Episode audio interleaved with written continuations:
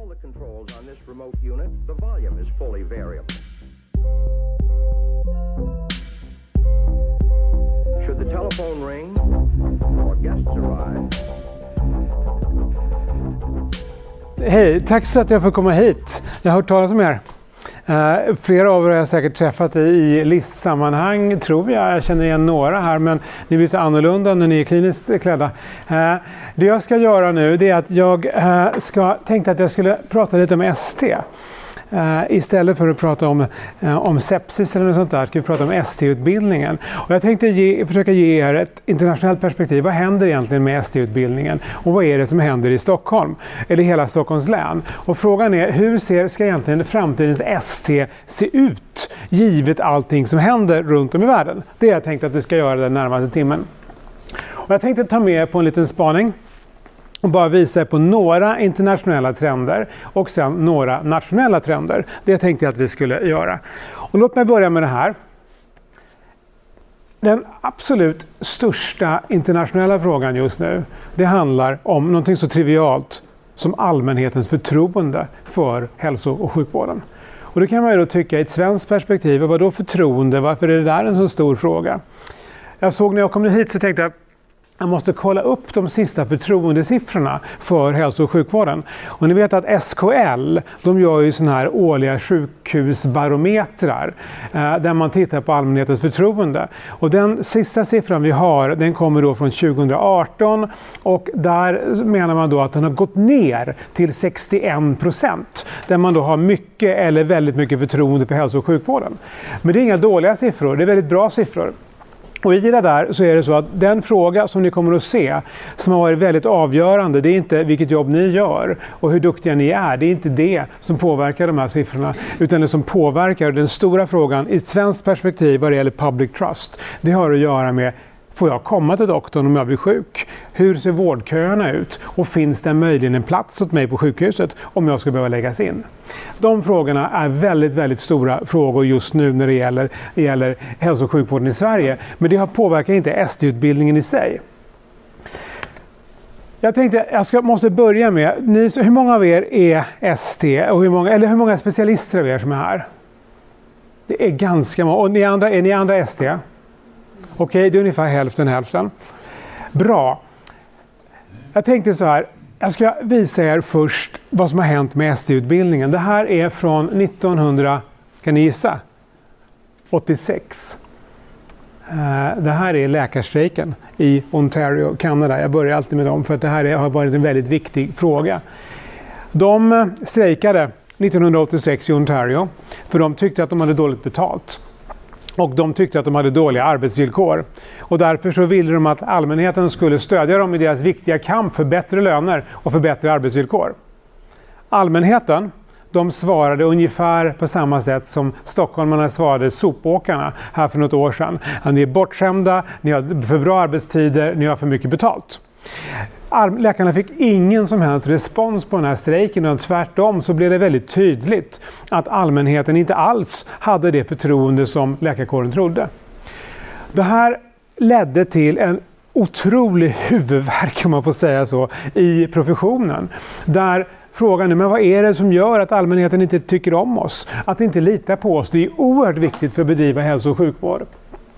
Så det som hände det var att de här organisationerna, och tittar ni på de här så förstår ni snabbt, detta är världens viktigaste läkarorganisationer globalt sett. Det här är de stora aktörerna.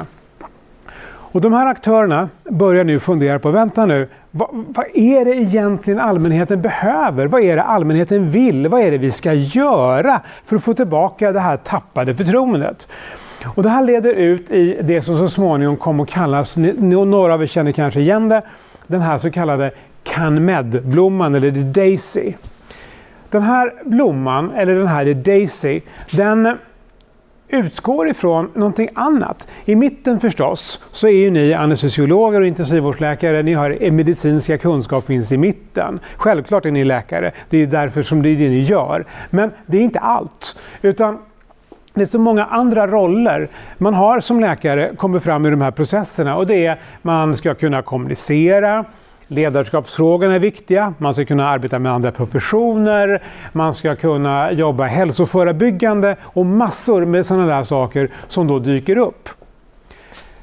Det här kanske ni känner igen, därför att det här har påverkat svensk utbildning. Och tittar man så här så kan man se att de här sakerna som kanadensarna identifierar 86 på grund av, eller 96 på grund av den här konsultationsprocessen efter det bristande förtroendet leder till att väldigt många system ändrar innehållet i sin läkarutbildning. Från grundnivå hela vägen upp till specialistnivå. Och om ni jämför de här systemen så ser ni att det är ungefär samma saker. Man formulerar det lite olika, men det är ungefär samma saker, det som kommer upp i de här olika utbildningarna.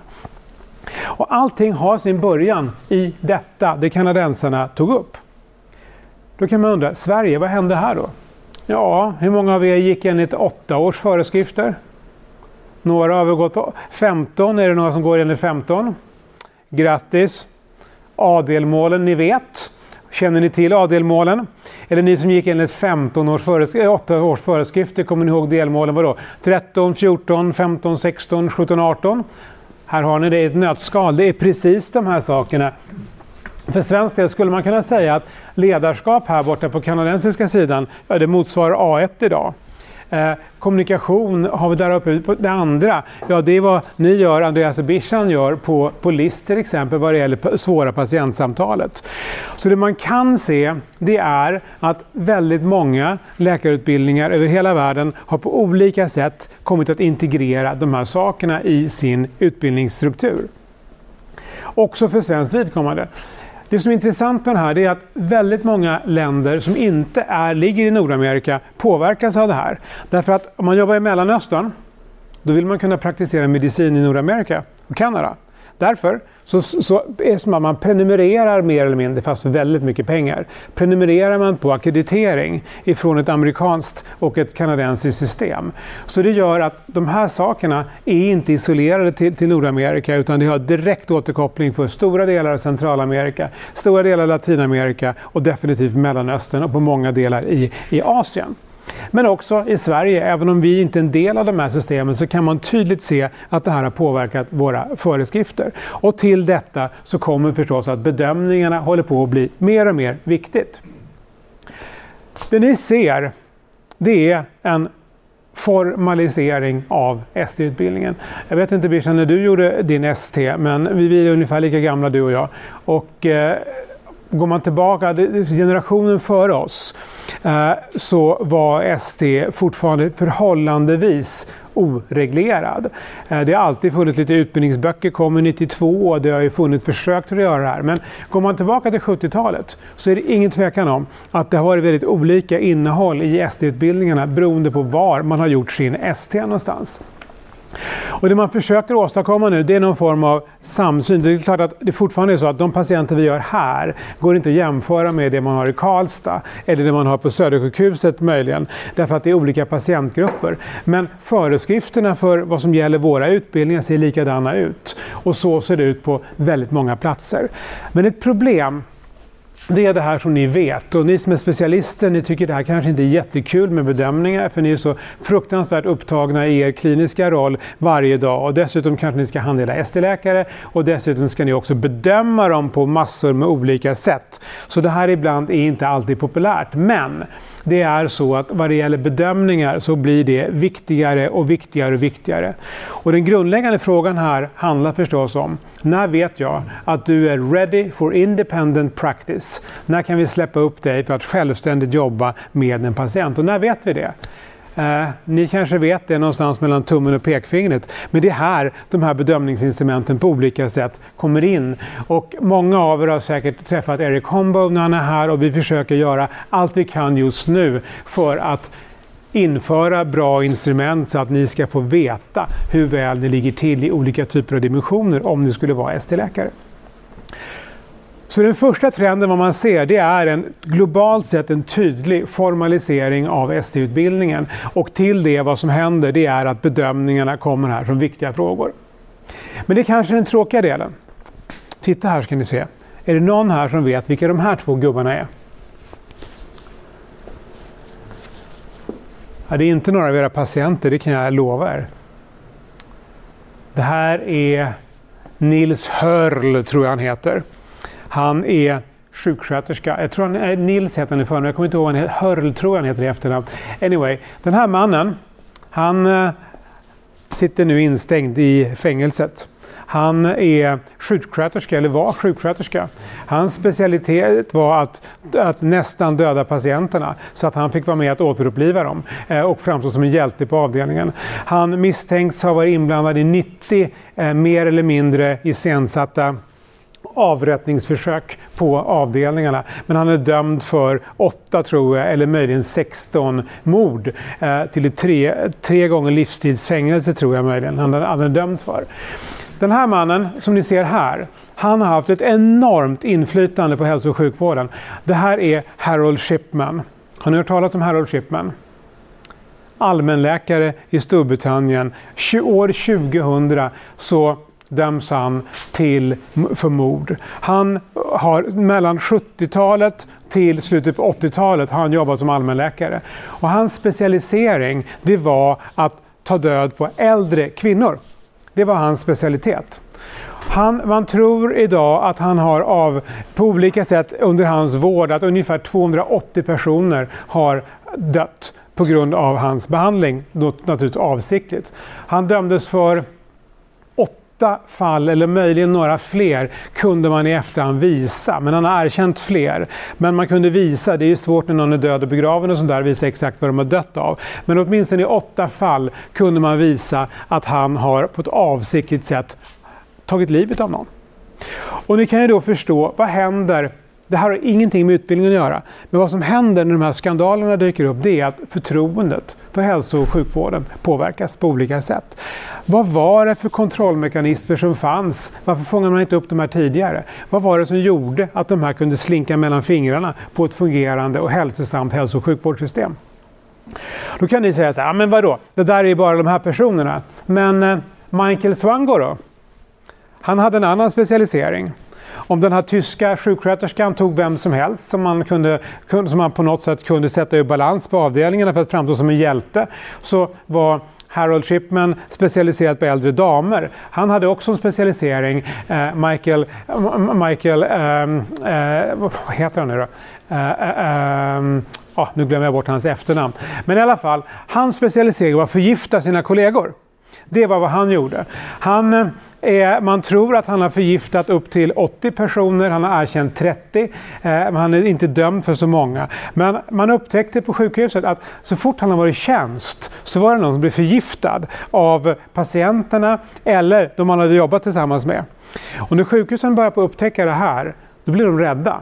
För shit, har vi någon här som inte är som det ska, inte bra, då kanske patienten inte åker till oss. Då åker till ett annat sjukhus i ett amerikanskt system. Så man tystade ner det där. Så han kunde flytta till ett annat sjukhus och ingen visste någonting. Hände samma sak igen. Men så småningom så blev det här spritt mellan olika sjukhus och då började han jobba på, eh, med, med ambulansen istället. Men vad som hände då det var att alla under ett skift blev förgiftade helt, helt utan någon som helst vetskap om vad det här berodde på. Så småningom så lyckas man spåra honom. Men det händer inte förrän den här boken kommer. Det är alltså en journalist som lyfter upp de här sakerna och visar det.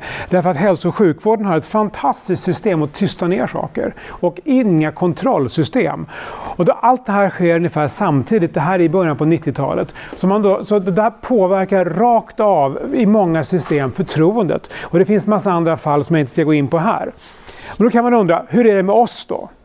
Har vi några sådana fall i Sverige som har påverkat förtroendet? Ja. Astrid Lindgren.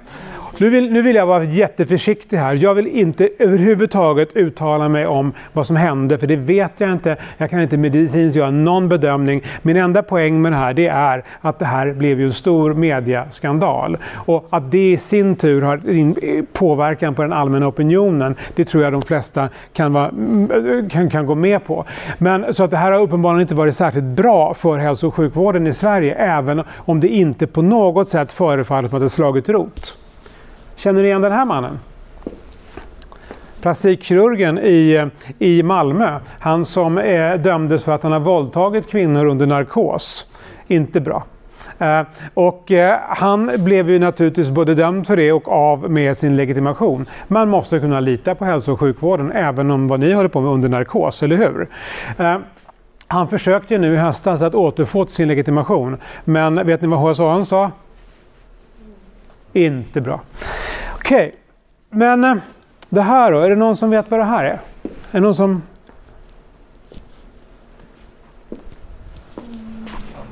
Det här är en av våra patienter. Det här är Mimmi. Ni som är specialister här eh, och har varit med ett tag, ni kommer säkert ihåg fallet Mimmi som vi hade 2009. Det var faktiskt en ST-läkare som var inblandad i det här fallet. Jag vet inte om Bishan, du, du var med i den, i den här omgången, men, men där det gick snett på operation. Och eh, där, vi behöver inte gå in på det medicinska i det här sammanhanget, men man kan konstatera att det var en patient som efteråt blev, ska vi kalla det för, eh, gravt handikappad eh, av den här operationen. Och en av orsakerna här det var en ST-läkare behövde hjälp. Om jag, nu får ni hjälpa mig, ni som, ni som känner till det här fallet bättre. Men som det rapporteras i media så var det så att det var en ST-läkare som behövde hjälp på operation. Och de seniora kollegorna, ja, det var en misskommunikation. Visst var det så? Alltså jag är väldigt försiktig här som du har. Alltså jag vill inte riktigt eh, gå in. Det här var på neurokirurgen.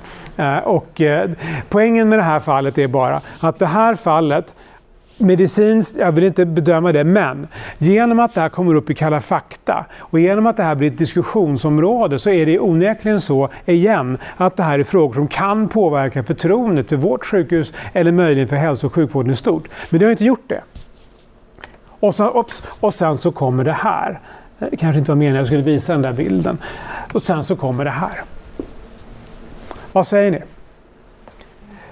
Återigen, big time. Jag inga kommentarer från min sida om vad som är hönan och ägget, och vad som är sant och vad som inte är sant i alltihop där. Poängen är bara, att det är en stor skandal som just nu diskuteras. Och genom att det här diskuteras och också den jargong och den attityd som uppenbarligen har funnits i den här klinik kliniken det här har handlat om, när det kommer till allmänhetens kännedom så kommer återigen frågorna upp på bordet. Förtroende, hälso och sjukvården, hur sköter de egentligen sitt uppdrag? Och vet ni, det är really good news det verkar inte som att det här igen har slagit rot. Tittar man i många andra system så har det fått ett mycket större fäste, inte i Sverige. Men det som i Sverige är den stora frågan som det förefaller nu, det är det här. Vårdplatsbristen.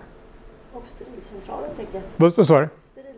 Ja, sterilcentralen nu är ju också sån här sak. Som, det, är nog mer, det är definitivt sån där.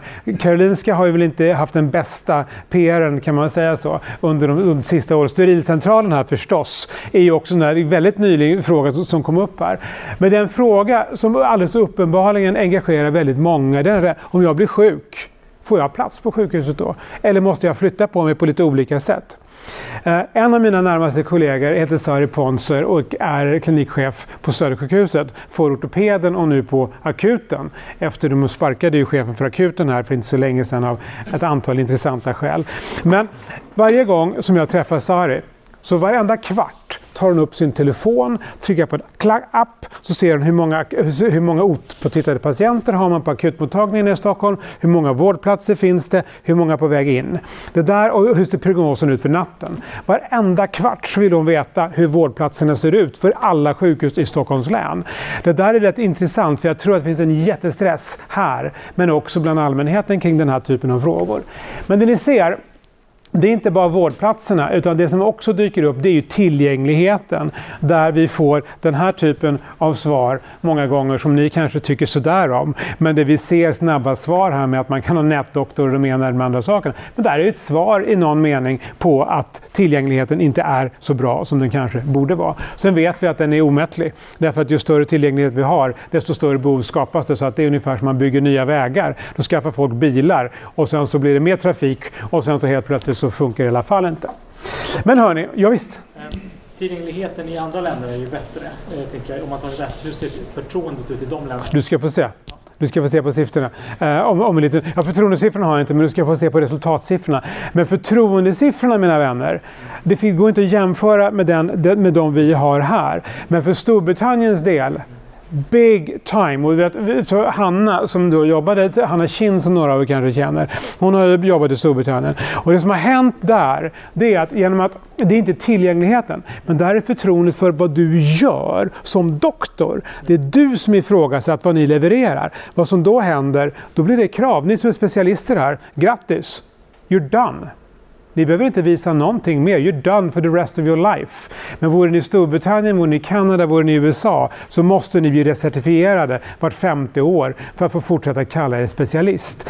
Dit har vi inte kommit i Sverige. Och i Storbritannien till följd av bland annat Shipman men många andra fall så har recertifieringen blivit en väldigt viktig fråga så att du är på något sätt betraktad som, som eh, fräsch. Kan man uttrycka det på det sättet? Men Storbritanniens siffrorna i Kanada, och det här är ett jätteproblem i många system, att det har gått så långt så att det är inte bara tillgängligheten utan det är också vårdens kvalitet som är satt i fråga. Det som är oroväckande i det du säger är att i SD och så verkar inte formas efter vad som faktiskt då kanske man behöver utan snarare efter vad som ser bra ut i ett förtroendeperspektiv. Hur, hur tänker du att, att man, man gör en viss grej för att Förtroendet skulle bli bra men inte medicinen. Det. Ja. Trots att det kanske inte har någon reell betydelse. Alltså, en SD-granskning bara tredje år skulle inte fånga någonting. Nej. Så, så det är så här? Precis så är det. Alltså, det finns många som skulle säga det i de länder där man har kommit till en punkt där förtroendet verkligen är satt i fråga. Vad som då händer, då byggs det upp en stor byråkrati kring bland annat det här med recertifiering. Och tittar man på vilka effekter det egentligen har så kan man möjligen ifrågasätta det.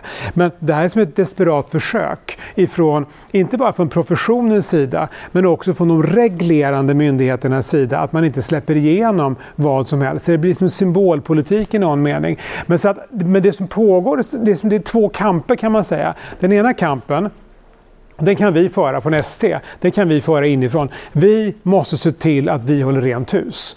Vi måste se till att vi inte bedömer er som färdiga om ni inte är färdiga. Vi måste ha färdiga bedömningsinstrument och se till att vi är, gör så gott vi kan. Men den andra sidan är då att om det inte lyckas Ja, då kan du vara helt säker på, och du ska få se på några andra grejer, att då kommer de som ligger utanför professionen att ta över. Och det är det du har sett i Storbritannien.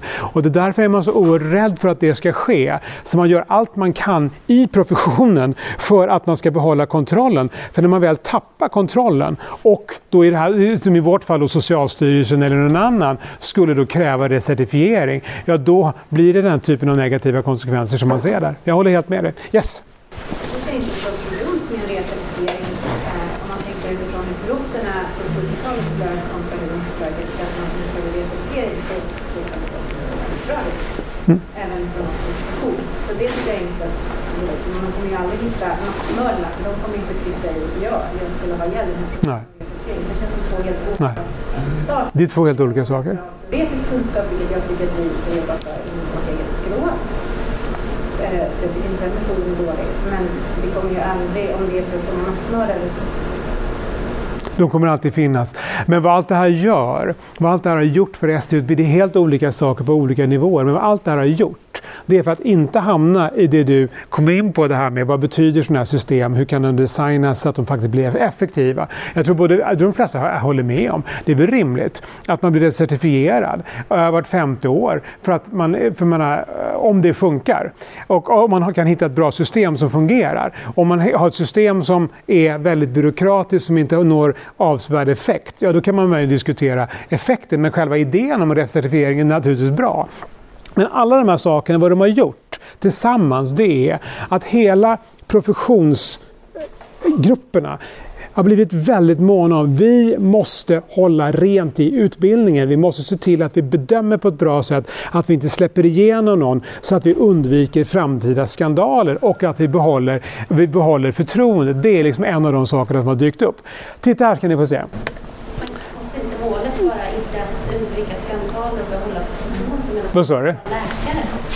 Eller? Ja, naturligtvis. Men du kan också ha bra läkare. Problemet är om du har bra läkare men allmänheten inte har förtroende för hälso och sjukvården. Det är självklart så att det som sker i professionen är ju för att man ska ha högsta kvalitet på de som släpps ut och blir specialister eller, eller, eller färre, bara lägga dem om, om du så vill. Men att det finns en förtroendefråga därvid också. Att allmänheten måste ha förtroende för professionen. Det är en jätte, jättestor och viktig fråga. Som tittar på de amerikanska myndigheterna, det alltid börjar med the, public, the social contract börjar man alltid med. Allmänhetens förtroende för det vi gör. Jag tänker också att eh, det verkar ju som att vissa saker behöver komma upp i media eh, för att de ska komma, att det ska hända någonting. Och jag tror att om vi ska få allmän, allmänhetens förtroende, inklusive de som är inom vården, deras förtroende, eh, så ska man vara hårdare med saker som kommer upp problem och man ska inte stoppa och sticka under bordet, vilket är vad jag tror att de har gjort med Macchiarini till exempel. Eh, och sen bubblar upp som en stor grej. Så jag tror också att, för inte bara undvika skandaler, men faktiskt tidigt lägga det på bordet och gå ut i allmänheten och säga det här är problemet vi har haft. Det här är vad vi har gjort. Det tror jag är Så är det. Jag håller helt med. Och det är lite slående här att, att här står jag precis utanför Nobelforum och Karolinska och jag har glömt ta upp Macchiarini. Alltså, big time. Det är ju kanske en av de största skandalerna som vi har haft så långt jag kan minnas. Jag har helt glömt. Jag ber om ursäkt. Tack för att du påminner om det. Kanske kallas för aktiv förträngning eller något sånt där. Jag vet inte. Ett sånt allmänt trauma. Det jag vill visa er är det här. Ja, Kristina? Alltså, vi har ju haft en lika stor skandal. Man sa att Macchiarini var den största, men Bjarne Sen var lika stor. Det är bara därför att en generation har fått det. Var ju på Tobrax här på Karolinska. Det var ju en gigantisk skandal den hände. Det var liksom svallvågor långt ut i världen. Men jag tänkte bara säga, ni som inte kanske har varit med på så himla många specialistkollegor, när, när det sista specialistkollegiet är och någon ska släppas lös, apropå det Jonas säger, då ställer ju Niklas, som leder dem numera, eller Joanna i Huddinge, frågan till var och en av specialisterna, är du trygg med att denna person då, den ST-läkare som ska bli specialist, får söva dig och din familj och dina barn? Det är vår skarpa fråga som är den sista. Svarar då folk nej då, då blir det ett litet ärvare. Därför det är den ultimata frågan. Vi kan inte låta oss, mig eller er, söva patienter om, om vi inte får söva varandras anhöriga eller familj. Det är ju liksom, då har man ju totalt tappat fokus över trovärdigheten. Men känner man sig trygg med det, så det går jättebra. Då, då tror jag att man ändå har en väldigt bra grund för förtroende hos sina patienter och allmänhet. Man utstrålar det. Vi litar på varandra. Och nu kommer det vara Elias och se över dig. Och han fick gärna söva mig.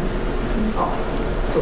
Det, är, det är en viktig fråga som ni får ta med er in när ni blir specialister och ska fundera om ni ska släppa igenom folk. För det är ju inte för att vara bussig mot våra kollegor vi släpper igenom dem. Vi släpper igenom dem för att det ska vara tryggt för våra patienter. Hörni, titta här kan ni få se. Apropå det. Patientsäkerhet. Det är inte nog med det här. Det, det har varit ganska svettigt för många professionsutövare för att verkligen se till att, att man både skapar bra utbildningar samtidigt som man har då balans mot allmänhetens förtroende. Den här rapporten återkommer jag till för den är fortfarande så aktuell. To Aris Human när den kommer från Institute of Medicine 2000. Eh, ni som känner till den vet att 19, 20, december 2000 när den kommer så uppskattar, och det här är alltså motsvarigheten till Vetenskapsakademin fast i medicin i USA. Så det här man gissar inte, man vet. Och när man påstår någonting så har man mycket god evidens för det. I december 2000 eh, uppskattade man att man hade 98 000 dödsfall vid amerikanska sjukhus varje år till följd av sekundära skador man har fått på grund av att man blir inlagd som patient. Alltså vårdrelaterade skador. 98 000. Vet ni vad? Det var fler än trafikolyckorna i USA. Det var fler än som dog i bröstcancer och det var fler än de som dog i HIV-AIDS. Åttonde vanligaste dödsorsaken. Det vi idag vet det är att de här 98 000 dödsfallen det är inte sant. Vi vet att de är mycket, mycket högre. Det har kommit nya studier bara för någon vecka sedan ifrån Hopkins som visar att den aktuella siffran idag, och trots att man har uppmärksammat det här, är snarare 245 000 personer varje år. Och det är alltså infektioner, det är fall, det är att man opererar på fel organ, det är alla möjliga saker som kan bli fel. Och jag läste så sent som i förra veckan här nu i tidningen när någon hade blivit eh, opererad på eh, tjocktarmen fast det är fel patient som har rullats in så man har tagit en stor del av tjocktarmen av fel patient. Så att det är ju uppenbarligen så att det här är exakt sådana saker som tas upp i, i den här studien. Eh, den här kom precis nu, bara förra året och det här, den här visar, det är från samma institut och den visar att eh, var tredje vuxen kommer att feldiagnostiseras någon gång i livet. Inte leder till döden, nödvändigtvis inte att det har blivit vårdpaket någonstans, men att det är en feldiagnos. Och det där är återigen problematiskt vad det gäller förtroendefrågorna och också hur bedömer vi de som vi utbildar. Men nu ska ni få se på något väldigt positivt. Håll i er. Ni ska få se på mycket positiv data. Det här gäller oss i Sverige. Det här är data som jag hämtade hem precis innan jag kom hit ifrån det som kallas för the Commonwealth Fund. Uh, Commonwealth Fund samlar hälsodata från hela världen och den anses, jag frågar mig inte hur de har beräknat det här för det vet jag inte, men den här datan används i OECD, den används av WHO, den används i alla möjliga sammanhang när man gör nationella jämförelser så den anses ha väldigt hög eh, kredibilitet. Titta på Sverige det som är rödmarkerat. När det gäller healthcare outcomes så ligger vi, det här är siffrorna från de senaste som finns från 2017, så rankas vi som nummer två i världen. Det är inget fel på er. Det är inget fel på hälso och sjukvården. Det är inget fel på vårt sjukvårdskunnande alls. Tvärtom, vi ligger näst högst i världen när det gäller när det är healthcare outcomes.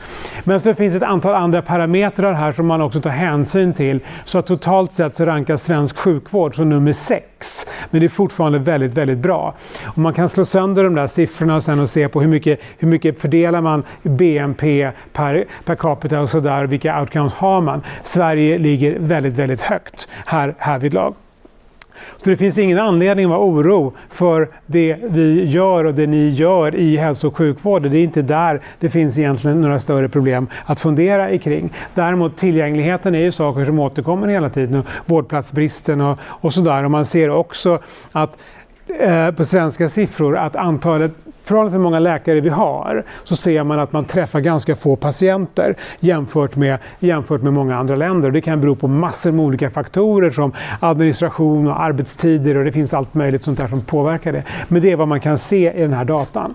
Kort fråga då. Ja, då blir det att, att Frankrike ska ha mycket sämre tillgänglighet än vad Sverige har. Det vet inte om det är små som skulle skriva under på. Uh, uh, var har du Frankrike någonstans? Där uppe? 9 och Sverige 6.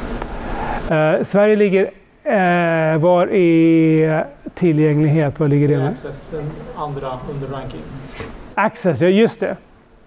Ja, enligt den här datan så måste man tolka det så. Jag kan inte tolka på något annat sätt. Och vad, vad har man fått datan ifrån då? Jag kan inte svara på hur den här datan är insamlad. Jag ber om ursäkt. Jag har ingen aning om hur man har räknat på de här olika måtten.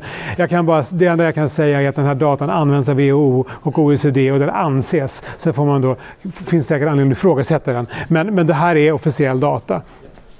Hörrni, det vi ska prata om, nu ska vi prata om något oerhört spännande kopplat till det här. Det är det här, er kliniska lärandemiljö, där ni, där ni jobbar. Om man tänker så här att en gång i tiden, resident är liksom var läkare på sjukhuset som bor på sjukhuset och inte har något liv utanför sjukhuset. Man är resident. Arbetsmiljön och lärandemiljö, den har liksom varit överlappande under väldigt många år för väldigt många. Så det har inte varit någon skillnad. Men det ni ser nu det är att man, det ni såg tidigare vad det gäller Kanada, man skapar nu ett tydligt curriculum för specialistutbildningen. Och det, där ni ska lära er på riktiga patienter, men det finns en struktur med målbeskrivningar och bedömningar och där som, ska, som ska genomföras. Och er, där ni lär er, det är ju i den kliniska miljön, men det ska matchas mot målbeskrivningar och andra olika saker. Det är frid och fröjd. Men vet ni vad? Det är ingen som har brytt sig om ST-läkaren överhuvudtaget. Tills en dag. ST-läkare finns det gott om. Du kan få se att det finns gott om ST-läkare och blir de sjuka så kan man ersätta med någon annan. Så alltså, det är inga problem. Men då upptäcker man i Storbritannien någonting väldigt, väldigt, väldigt illa. Att en dålig klinisk arbetsmiljö leder till dålig lärandemiljö för ST-läkarna och påverkar patientsäkerheten negativt. Oh -oh. Då, om ST-läkarna mår dåligt, ja då påverkar det både deras lärande men också patientsäkerheten. Och därför så har den här frågan om hur ser er kliniska lärandemiljö ut? Vad innehåller den? Och hur är den, hur är den organiserad? Det där är jättestora frågor just nu på den internationella agendan. Och det börjar egentligen med det här. Eh, känner- Har ni sett den här filmen? Har ni läst boken? House of God. Det här är The Fat Man. Han är, han är den coole seniora ST-läkaren som är helt missförstådd men en otroligt duktig kliniker som var i fred.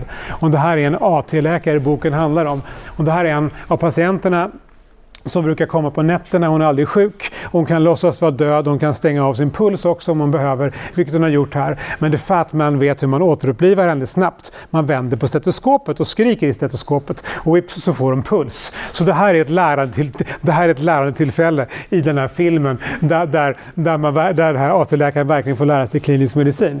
Men den här boken kom 76 eller 78 så väckte den ett ramaskri. Vi tog upp den här på våra listutbildningar och några hade läst den mellan list 1 och 2 som gick i förra veckan.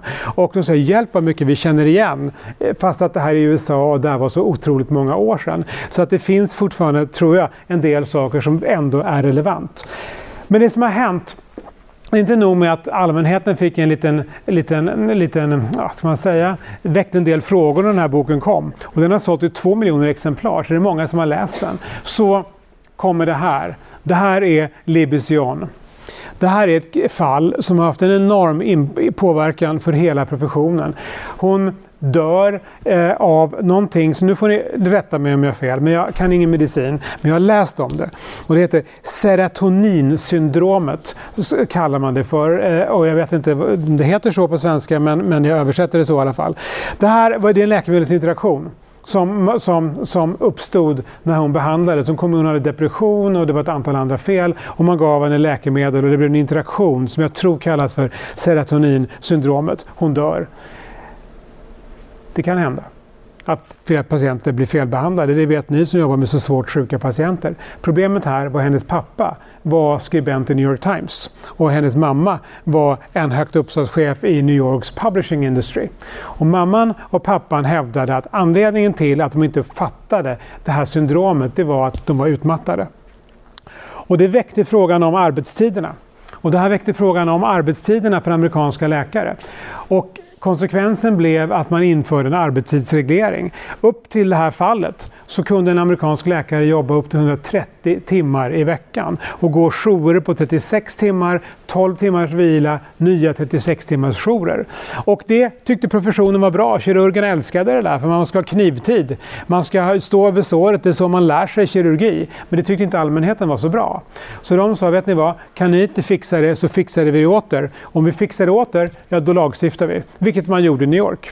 Så staten New York införde regler. Man får inte praktisera medicin om man inte har arbetstider som går upp till 80 timmar. Det här blir också regleringarna så småningom sen för all ST-utbildning i USA. För vår del och i Europa har det här inte varit så stora frågor. Vi har ju haft sedan 70-talet 40 timmars arbetsvecka, eh, så det är inte en stor fråga här. Men Storbritannien har varit en jätte, jättestor fråga och kirurgerna har varit extremt mycket emot den här typen av regleringar därför att, nu har de aldrig kommit upp till amerikanska tider, men ändå ganska höga arbetstider, därför att de tycker att knivtid är så oerhört viktigt. Men det vi vet nu det är att det finns ett antal studier som visar på ett stort antal problematiska saker i arbetsmiljön som påverkar ST-läkarnas lärande och specialisterna. Och det kanske roligaste och intressantaste är det här.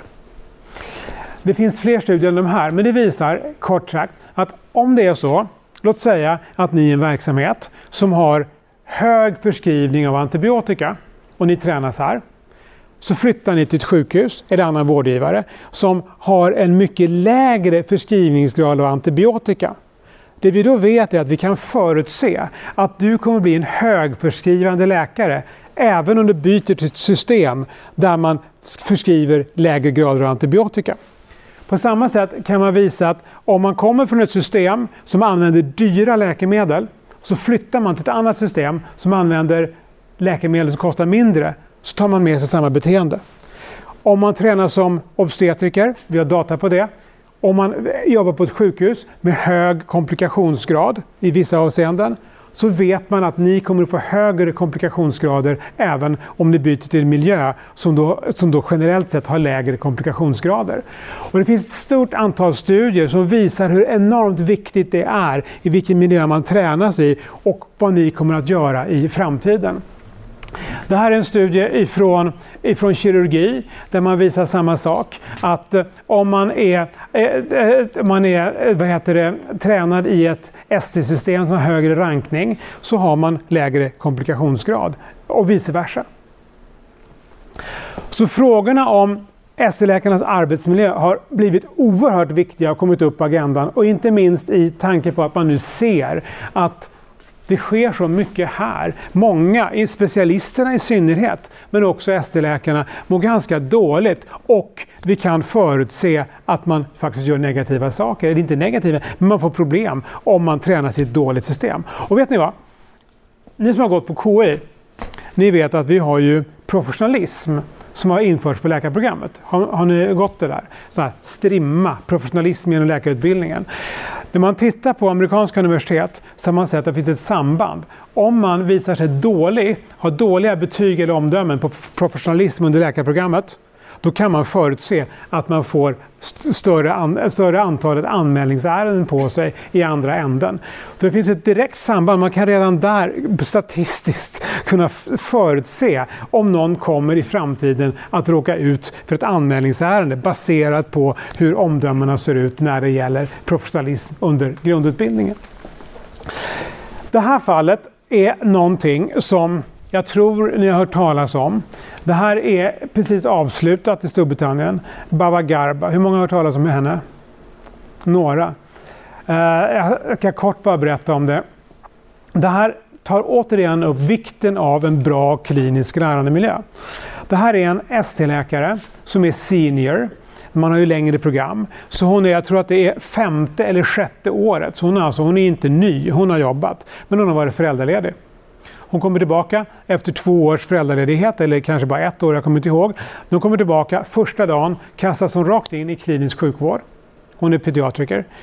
Eh, det som händer med henne det är att hon ska då, överläkaren finns inte där, han är någon annanstans för, för någon annan ST-läkare.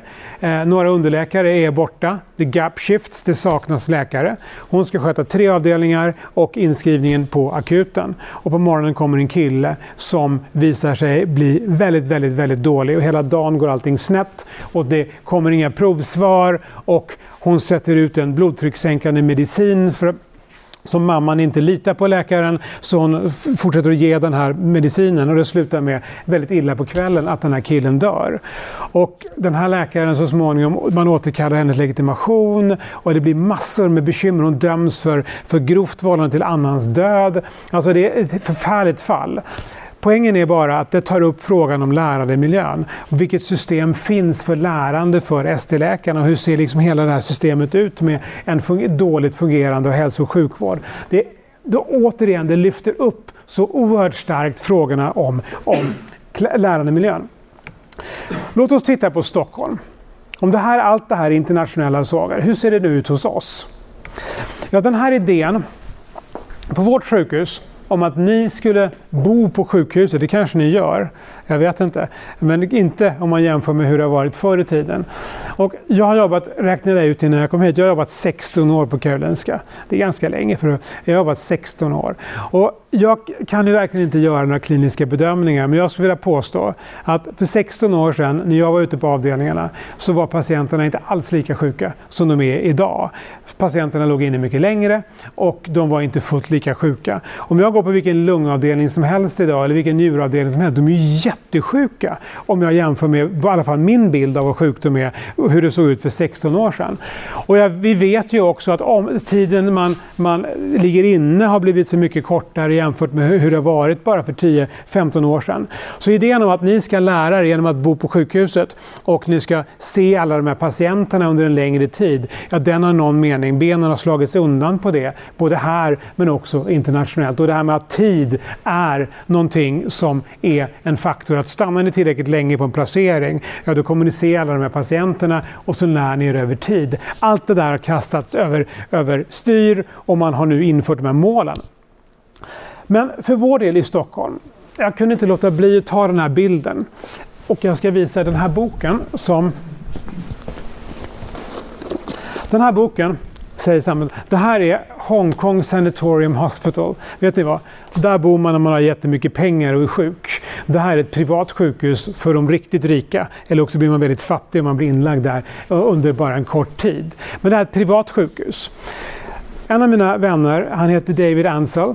Han har varit chefsläkare på Rush Medical Center i Chicago. Han skrev den här boken med The County. På andra sidan gatan från Rush ligger Cook County Hospital och det är ett offentligt sjukhus medan Rush är ett privat sjukhus. Och när jag träffade honom för många, många år sedan så pratade han om det här med den privata vården och den offentliga vården.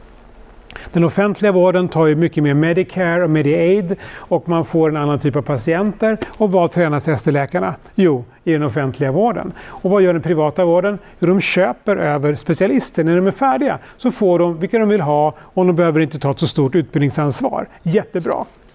Ni kan läsa om det i den här boken. Jag tyckte det här lät bisarrt för när jag läste boken när den, när den kom.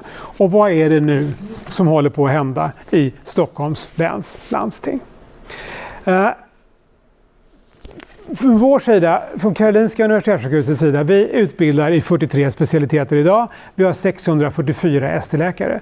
I våra 43 specialiteter så är 28 av dessa specialiteter på ett eller annat sätt drabbade av vårdval eller att vi har flyttat patienter till andra sjukhus.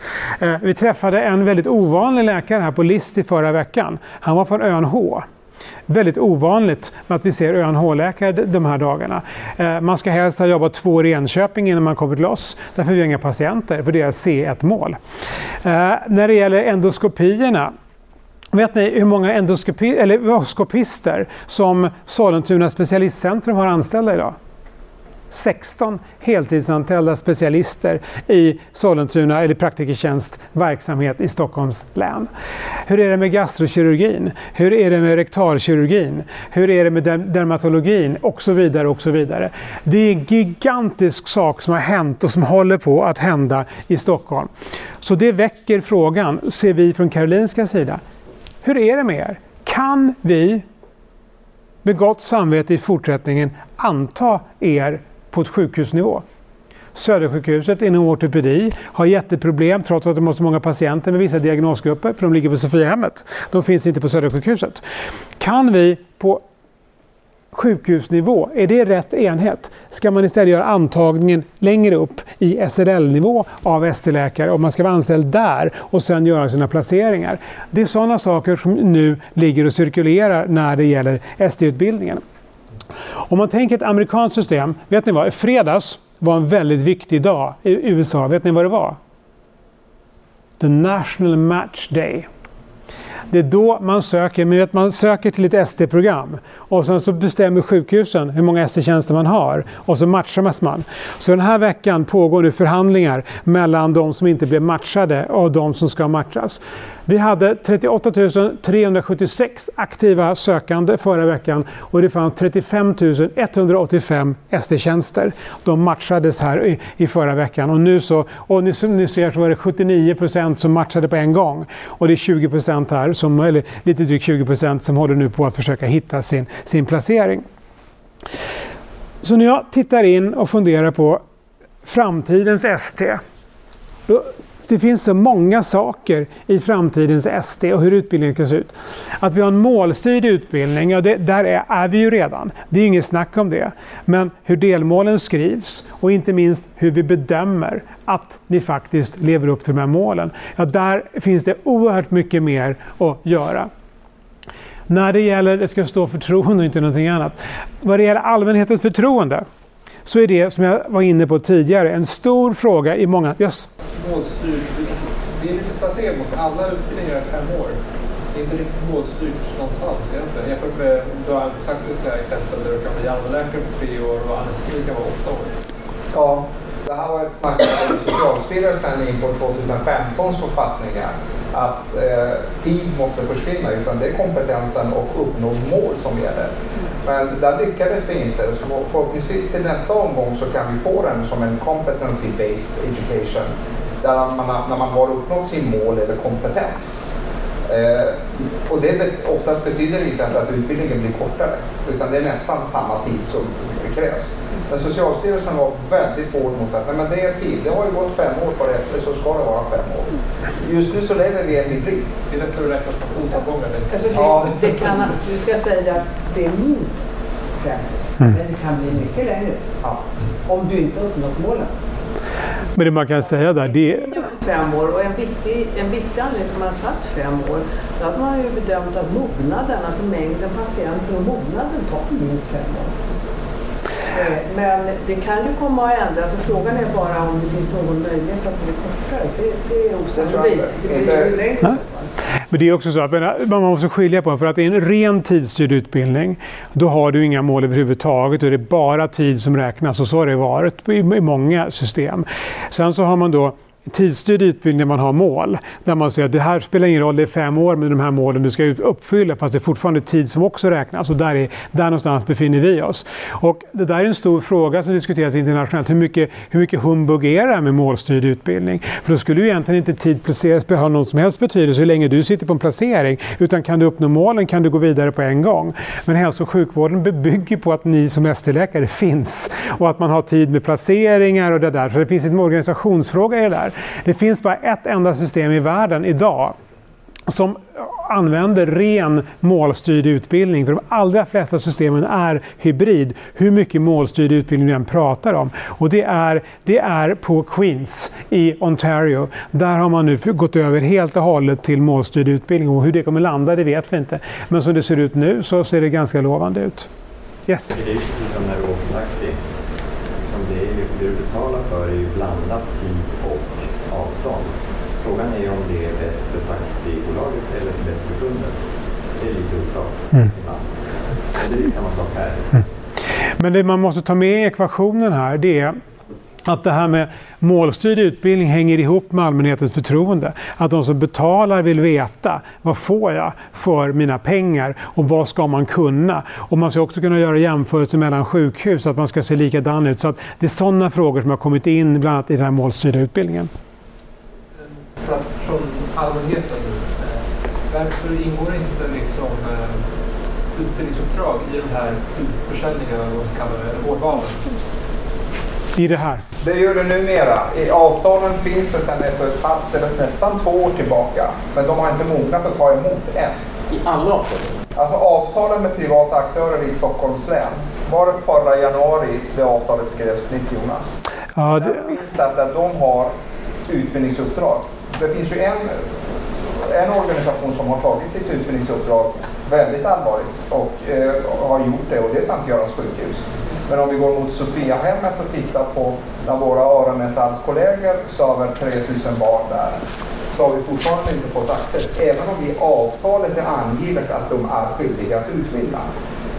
Eh. Aleris har inte heller gjort det, men jag kan säga att, att vår ST-organisation, då ska inte bara säga Karolinska utan hela regionen inom anestesi och intensivvård, och det har även varit inom andra specialiteter. Det här har varit en väldigt stor arbetsuppgift för oss sedan då 12 år tillbaka sedan jag tillträdde. Jättestor att ta den här kolossen till landstinget. Hela tiden påtala detta att eh, och då skulle jag säga att det är inte bara utbildning man missade i avtalen, man missade även forskningen. Det är också, det är lika allvarligt det. Men det är som du säger, det har ju skrivits om och det har tagits på allvar och det har, så nu ska det ingå. Och man kan ju bara se här. Jag tänkte säga en sak till. Det här med målstyrd eller tidsstyrd. Alltså, tidigare, innan 2008, då var det nästan uteslutande tidsstyrt. Det vill säga, hade man gjort sina sex månader på en placering så var det check på den och vad du hade lärt dig eller inte lärt dig. Men vad som hände i Sverige och som tyvärr var ganska vanligt, det var att när det blev sommarsemester och schemat skulle läggas, då blev man specialist. Då uppgraderades man och blev plötsligt ansedd, ja men det går nog bra att Kristina är specialist i sommar för att då kunde ju specialisterna ha semester. Eh, och det där var faktiskt ett oskick som skedde att verksamhetschefen skrev på utan att det egentligen fanns fog för det. Så att bottenplattan har definitivt höjts.